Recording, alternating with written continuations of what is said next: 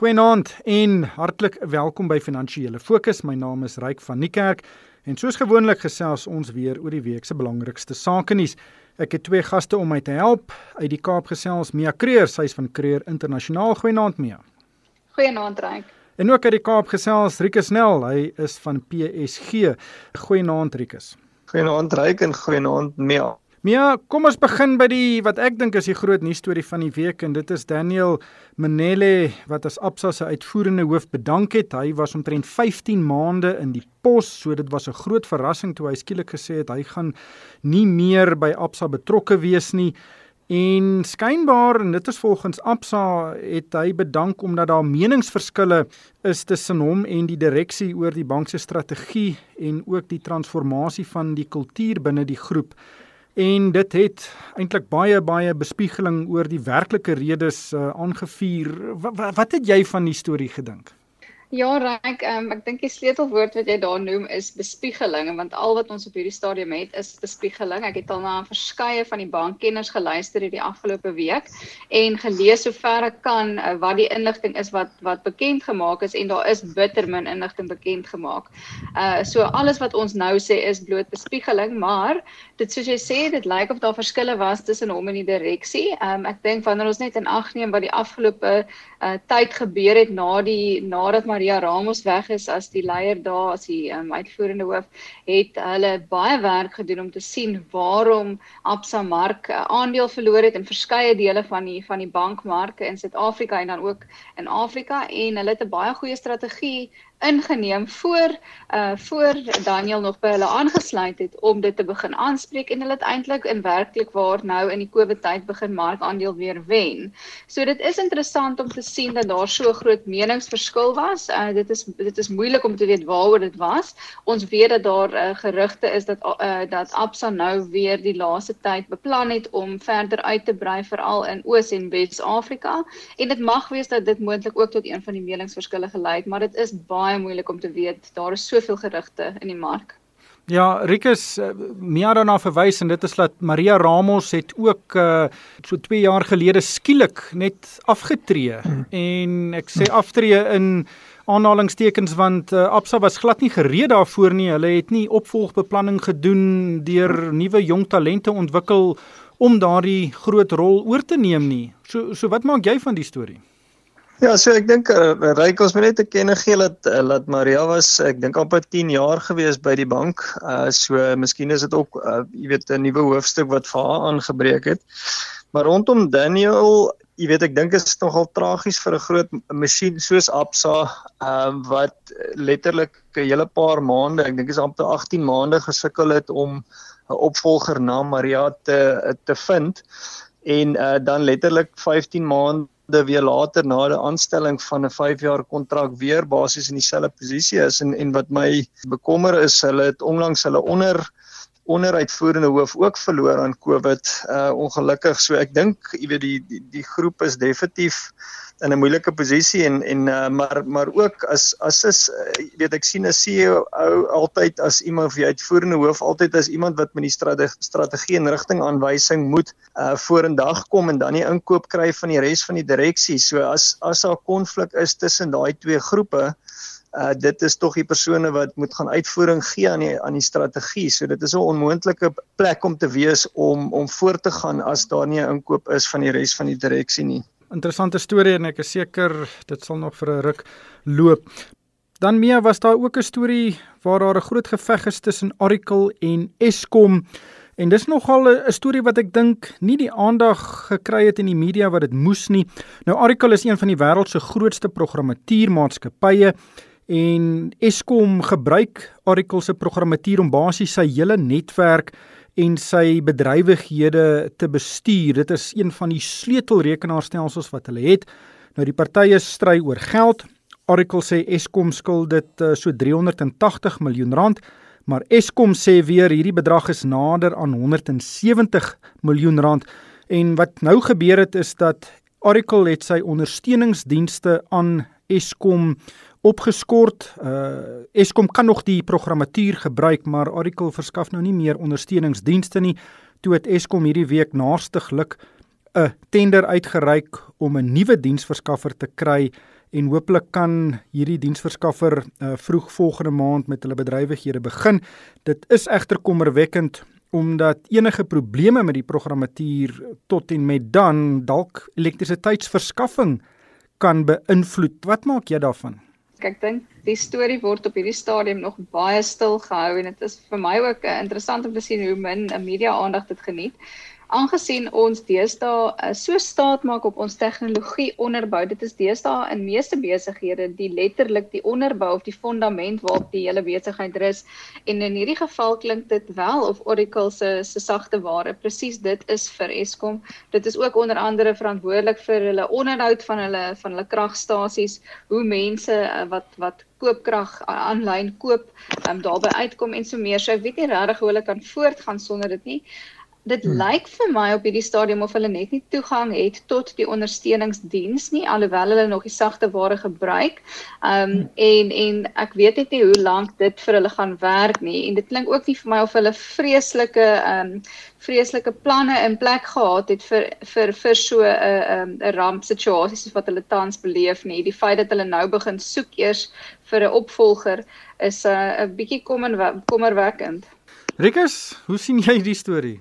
Ja, reg is vir my baie interessant. Jy weet die die eerste jy sou gesien het, uh, die eerste syfer wat Oracle mee voort uh, vorendag gekom het was oor die 7 miljard rand en uh, dit is vir my baie interessant dat die twee uh, punte so ver uit mekaar uit kan wees dat hulle bereid is om op die ou end, jy weet letterlik 7 miljard te skuif uh, na 380 miljoen. Toe so ernstig is daar iets wat nie nie lekker optel nie. Ek is wel bly om te sien dat Eskom begin bietjie uh jy weet met met groter prioriteit kyk voor hulle hulle betalings maak. Maar ek dink die verantwoordelike ding sou wees om te sien hoe vinnig hulle hierdie hierdie verhouding eintlik kan herstel uh met Oracle as 'n ondersteunings uh, hulle tegniese ondersteuningsdiens en en moontlik dit wat hulle nou verder wil doen eerder om te kyk maar wat is 'n uh, die voortsettingsplan as die ding nie uitwerk nie? Met ander woorde wat sou wat is die contingency plan in elk geval by Eskom as as daar fout gaan met Oracle uh mense sou verwag het dat dat daar reeds plaasvervangende tipe van uh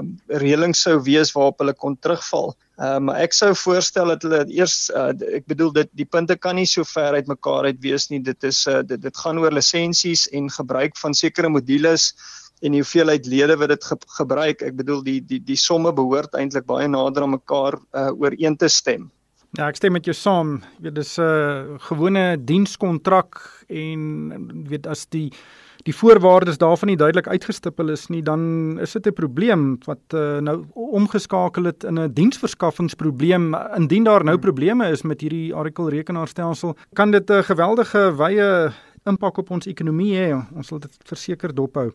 Dan Mia, 'n positiewe storie, eintlik 'n baie goeie storie en dit is dat die internasionale kleinhandelgroep Amazon sy hoofkantoor vir sy Afrika bedrywighede in Kaapstad gaan vestig en dit vorm deel van 'n splinternuwe 4 miljard rand ontwikkeling daar naby die River Club Observatory en ek dink daar's baie Afrika lande wat uh, jaloers gaan kyk na hierdie stap van Amazon omdat hulle seker in enige stad op die vasteland hierdie hoofkantoor kon gaan gebou het.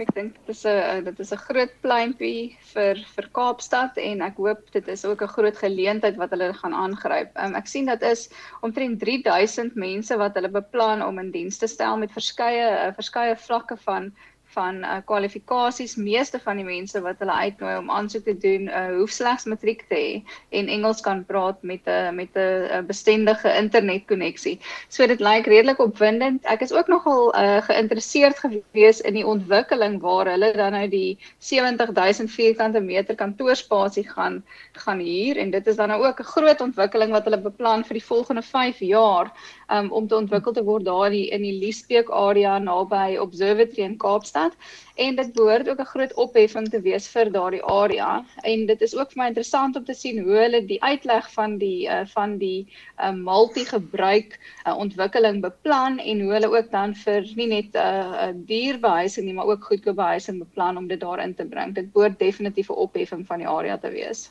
Ja, gaan interessant wees. Ehm um, Rikus iets wat vir my uitgestaan het is hoe die Kaapse Metroraad hierdie storie hanteer het. Ek het met Dan Plato hmm. gesels hierdie week, die burgemeester van Kaapstad En hy sê die hele projek is binne 2 jaar goedgekeur vandat hulle die eerste brief gekry het wat gesê het luister ons wil hierdie ontwikkeling doen totdat hulle die laaste stempel op die papiere ge, gesit het. En dit wys vir jou dat die birokrasie wat mense in baie dele van die land sien is miskien onnodig. Die Kaap het nou gewys dit kan vinnig gedoen word. Ja, so ek dink wat 'n ou kan sien is is al was proaktiewe optrede en en en kom ons noem dit goeie rentmeterskap van van van Dan en en sy komitee en en wat is moontlik jy weet 'n ou jy, jy moet jouself herinner dat eerstens dit is nou letterlik uh een van die top 5 uh, grootste maatskappye op konstante wyse in die wêreld wat letterlik na die suidpunt van Afrika toe kom dit gaan nie eers kom ons sê na Gauteng toe nie hulle hulle kom Kaapstad toe. So ek ek dink uh definitief 'n pleintjie vir vir die span wat dit gefasiliteer het.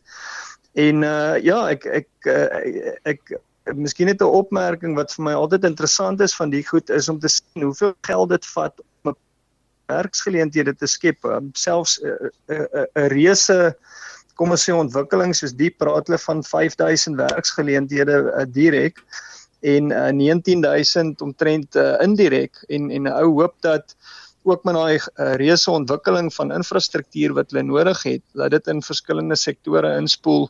En dit is presies wat uh, in, in my kop ehm um, uh, jy weet Kaapstad munisipaliteit en en en die uh, burgemeester behoort te omarm en vooruit te kyk om te sê maar hoe gaan ons ons eie streek bevorder en wat kan ons doen om om hierdie goeders uh, te te laat land in ons provinsie.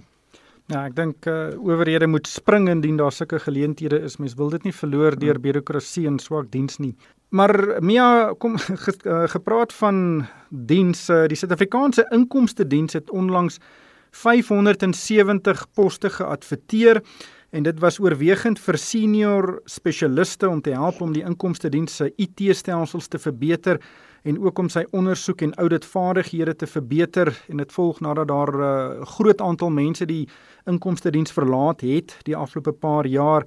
Maar toe kom daar 88000 aansoeke by die inkomste diens aan. En 15000 van hierdie 88000 het van binne die inkomste diens self gekom en nou daar is net omtrent 14000 werknemers by die inkomste diens op die oomblik. So sommige van hierdie interne mense het vir meer as een pos aansoek gedoen. Aan die een kant lyk dit asof baie mense vir die inkomste diens wil werk, maar aan die ander kant lyk dit asof die mense wat reeds daar werk, regtig ander goeders wil doen binne die inkomste diens. Daar's positiewe en negatiewe dinge wat hier aan die gang is. hoe, hoe sien jy dit? Ja, ek moet sê, raai die somme toe ek hulle so maak het vir my nie mooi geklop nie. Jy moes vir 'n redelike klompie werke aansoek gedoen het um, as jy reeds daar werk om so groot uh, syfer te oorskry en om te sê ag om te sê dat hulle 88000 aansoeke gekry het is 'n enorme hoeveelheid aansoeke. Ek sal verbaas wees as hierdie syfers reg is. Ehm um, dit is vir my uh, verbuisterende groot syfers vir vir sulke aansoeke vir gegee vir die hoeveelheid werke wat beskikbaar is. Mia het julle onlangs by Creer Internasionaal werksgeleenthede geadverteer en indien wel het julle ook 'n groot reaksie gekry. Ryk ons kry gedurig aansoeke van mense sonder dat ons eers uh, adverteer vir vir posisies sodat daar is verseker 'n 'n 'n soeke in die mark vir mense wat wat na werk soek. Ek kan ook self noem van verskeie vriende en en van die kollegas wie uh, jonger kinders het wat of of um, wat van wat klaar is met universiteit met goeie kwalifikasies wat sukkel vir jare om werk te kry om goeie werk te kry in Suid-Afrika. So daar is verseker 'n klomp baie gekwalifiseerde mense mense in Suid-Afrika wat uh, wat wat na werk soek. Dit kan ek vir jou sê, ons het wel nie geadverteer die laaste tyd nie. Ons het meeste van ons aanstellings die laaste paar jaar op uh, verwysing gedoen, maar nietemin kry ons wel heelwat aansoeke op 'n gereelde basis. Rikus daar by julle? Ja, ek dink uh, daar's definitief uh jy weet 'n soeke na na kwaliteit geleenthede by kwaliteit besighede en ek dink dit uh, jy weet miskien as 'n ou in die in die terug in die terugkyk in die staatssektor in uh, is dit duidelik dat dat uh, die Suid-Afrikaanse inkomste diens hulle visie baie duidelik uitspreek. Hulle hulle hulle leierskap lyk dit my is ding is besig om dinge in orde te uh, jy weet te skud en en van krag tot krag te gaan. Ek dink so as uh, of dit nou binne in die inkomste diens is van van aspirerende kom ons sê werknemers wat wat wil groei in hulle posisie of van buite af of van elders in die staat wat dalk voel hulle dienste kan uh, jy weet 'n verskil maak in kwaliteit. Miskien is dit 'n ander deel waar waar mense voel maar dit is 'n dit is 'n staatsinstrument wat regtig 'n verskil kan maak in Suid-Afrika op 'n klomp terreine. Ehm um, een om ons om ons begrotingssyfers te laat klop, maar ander ene om om hierdie bedrog ehm um, jy weet tendens te te beveg. Uh, maar ek dink dit is redelik verteenwoordigend van waar poste geadverteer word waar daar 'n totale oorvloed van aansoeke is. Uh, wat my opgeval het is die daar's definitief 'n uh, informasie tegnologie gewig of proporsie of rigting wat SARS uh voor jy weet aansoeke voor uh voor vra en uh miskien is dit 'n voorsmaak om te wys oor hoe hulle hulle sake gaan hanteer. Hulle hulle sit natuurlik met enorme hoeveelhede data en daai data moet gaan analiseer word en en in bruikbare uh, gevolgtrekkings getrek word. So dit was my baie interessant. Ja, hopelik kry hulle van die vaardighede terug wat hulle verloor het. Maar dis ook vir my belangrik, daar was onlangs was daar ook voorstelle dat die inkomste diens hulle eie kriminele vervolgings kan doen vir mense wat belasting ontduik. En ek ek weet een van die vaardighede wat hulle verloor het die afgelope paar jaar onder Tom Mejani was hulle ondersoekvaardighede En uh hopelik kan dit 'n verskil maak want ek dink daar is baie mense in Suid-Afrika wat nie die belasting betaal wat hulle moet nie en hopelik kan die inkomste diens hulle behoorlik opskroef. Maar ongelukkig moet ons dit daar los. Baie baie dankie aan my gaste vanaand. Dit was Mia Kreer, sy is van Kreer Internasionaal en ook Rikus Nel van PSG. Al twee het daar uit die Kaap gesels. Uh, en van my ryk van die kerk, dankie vir die saamluister en ek hoop almal 'n winsgewende week.